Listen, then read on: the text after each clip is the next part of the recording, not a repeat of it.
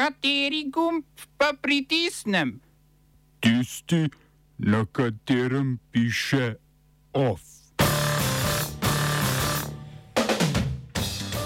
Britanska policija izdala prve kazni v povezavi z afero Partygate.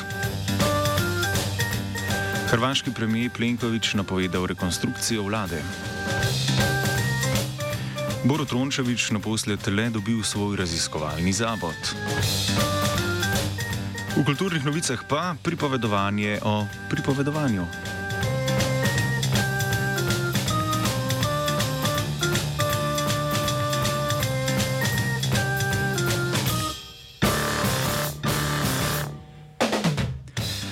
Pripadniki islamistične skupine Al-Shabaab so v oboroženem napadu na vojaško oporišče Ar-Urur na severu države ubili štiri pripadnike somalijske vojske, ki varuje volišča po državi, kjer do 31. marca potekajo parlamentarne volitve. To je že četrti napad v zadnjem tednu, potem ko je skupina prevzela odgovornost za napad na vojaško bazo Halane ob Mogadiškem letališču prejšnji torek. Prejšnjo sredo pa je izvedla tudi dvojni bombni napad v mestu Belevjene, v katerem je umrlo 48 ljudi, med njimi Amina Mohamed Abdi, poslanka druge največje opozicijske stranke Zveza za mir in razvoj. Parlamentarne volitve bi se morale zaključiti že lani decembra, a so bile zaradi epidemije COVID-19 prestavljene na konec marca. Po dokončnem oblikovanju parlamenta bodo poslanci izbrali novega predsednika države. Politično stanje v Somaliji je kaotično že od leta 2017, ko je predsedniški mandat prevzel Mohamed Abdullahi Mohamed, krajše Farmajo ali Sesirjenec. Ta je v sporu s trenutnim premijejem Mohamedom Huseinom Roblejem, ki je na oblasti od jeseni leta 2020. Spor izvira iz časa Farmajevega vodenja somalijske vojske, ki se že dlje časa spopada z Al-Shababom. Ob tem je predsednik decembra lani poskusil podaljšati svoj predsedniški mandat za dodatna štiri leta, vendar je parlament odločitvi ostro nasprotoval.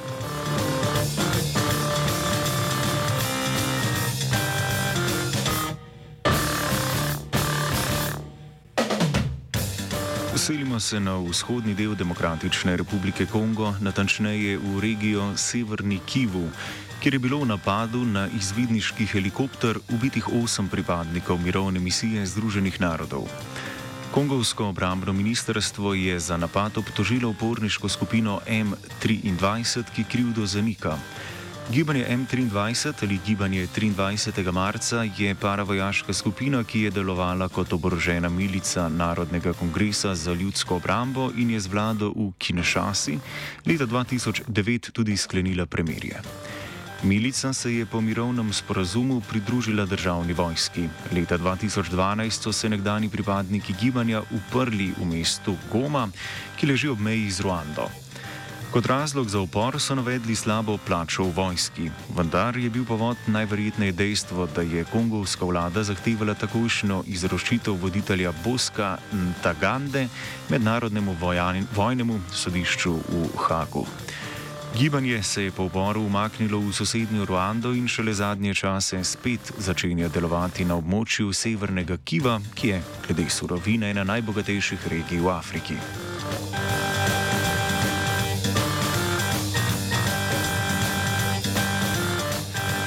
Sinoči je neznani storilec v mestu Bnej Brak na vzhodu izraelskega Tel Aviva z avtomatsko puško streljal na mimoidoče in voznike in jih pet ubil.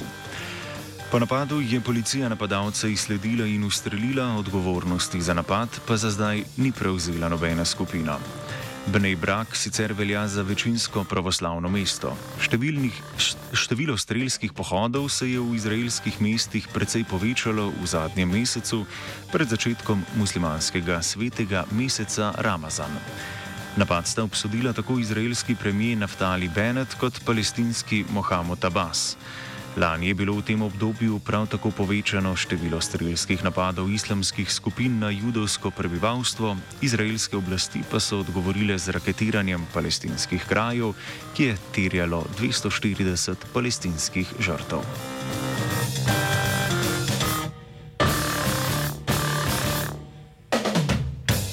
Britanska policija je sporočila, da bo obletenim v tako imenovano afero Partygate izdala prvih 20 kazni. Kazen za kršenje protikoronskih protokolov sicer znaša 945 evrov, vendar se oglobljeni lahko pritožijo na njo v roku 28 dni. Afera Partygate je povezana z zabavami kabineta britanskega premijeja Borisa Johnsona na vladnem Downing Streetu v lanskem obdobju strogega zaprtja države. Policija v zvezi z afero preizkuje 12 primerov kršitev, ko naj bi se na Downing Streetu zbralo več kot 15 oseb. Policija je sicer zaslišala več kot 100 oseb, med njimi tudi več poslancev Johnsonove konzervativne stranke. Po objavi videa, ki je bil temelj za preiskavo, je iz premijejevega kabineta odstopilo več višjih uradnikov, med njimi tiskovna predstavnika Allegra Stratton.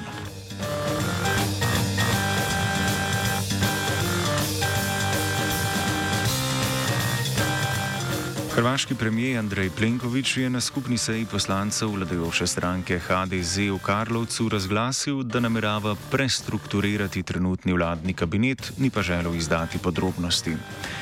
Podpredsednik stranke in župan Osječko-Barjanske županje Ivan Anušič je pojasnil, da naj bi bila menjava ministrov obsežna in da naj bi se zgodila po veliki noči, a točnejših podatkov, podobno kot Plenković, ni razkril. Napovedano rekonstrukcijo komentira hrvaški novinar Davon Genero. V primerih podpredsednika vlade, ki prihaja iz srpske narodne manjšine, gospoda Miloševiča, in pri primeru gospoda Lazreviča, ki je ministr dela in socialne skrbi, se res gre za bagatelne primere, ampak kazenska preiskava zoper njiju je odprta in je zelo malo verjetno, da bi ona dva lahko ostala v vladi.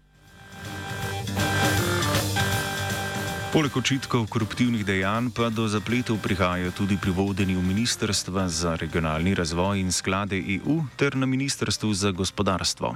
Vem, v gospodarskem ministrstvu in v ministrstvu za evropske fonde pa je povezan z slabimi kompetencami trenutnoga ministra oziroma ministrice oziroma z določenimi frakcijskimi boji znotraj vladajoče, vladajoče stranke. Kljub težavam v vladi ima Plenković polno podporo koalicijskih partnerjev. Gre za trenutno oziroma na trenutno stanje na hrvaškem političnem parketu, pa si nobena koalicijska stranka ne želi predčasnih volitev. Oba, če bom odgovoril na angliški. Slovenija bo poskušala pomagati. Slovenija bo naredila naš utmost, da bo rekla, da je situacija naš problem, sami. In da bomo naredili nadaljnje korake, as soon as the conditions are. Bomo vlado Marjana Cererja, Marjana Cererja Šarca podprli. Very, very serious. From Slovenija. We know how and we will.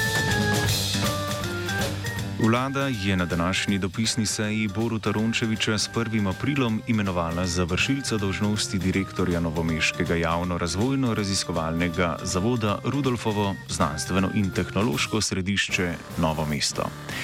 Rončevič bo funkcijo vršil do imenovanja direktorja, a največ eno leto. Njegova naloga bo praviti priprave na začetek dela zavoda, ki naj bi nadgradil Center razvoja, raziskav in inovacij, ki so ga leta 2016 ustanovile Trebanska, Novomeška, Črnomalska in Metliška občina.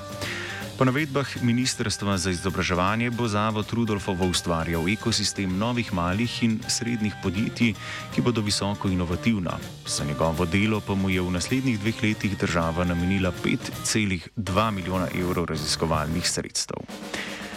Ustanovitev novega inštituta sta v javnem pismu kritizirala tudi rektor Univerze v Ljubljani Gregor Majdič in predsednik koordinacije samostojnih raziskovalnih inštitutov Slovenije Gregor Anderluh.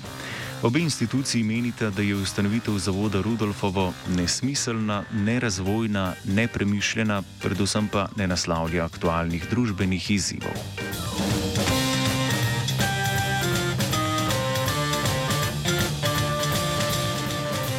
Po slovenskih gozdovih bodo končne odločitve upravnega sodišča še hlačalo 222 rjavih kosmatincev. Upravno sodišče je namreč začasno odredbo zadržalo dovoljenje okoljskega ministrstva za odstrel 222 rjavih medvedov v Sloveniji. Okoljsko ministrstvo je dovoljenje izdalo na podlagi predloga Lovske zveze Slovenije, ki ocenjuje, da so se na območju Slovenije gibali in se še vedno gibljajo okoli tisoč medvedov, kar je očitno preveč. Sodišče pa je dovoljenje zadržalo na podlagi upravnega spora, ki ga je sprožilo Mednarodno društvo za varstvo okolja in narave Alpe Adria Green, ki meni, da bi odstrel tolikšne populacije te zavarovane živalske vrste lahko povzročil nepopravljivo škodo, saj njihovega števila ne bo mogoče zlahka nadomestiti. Mof je pripravil vajenec Beno, mentoriral je Dugi.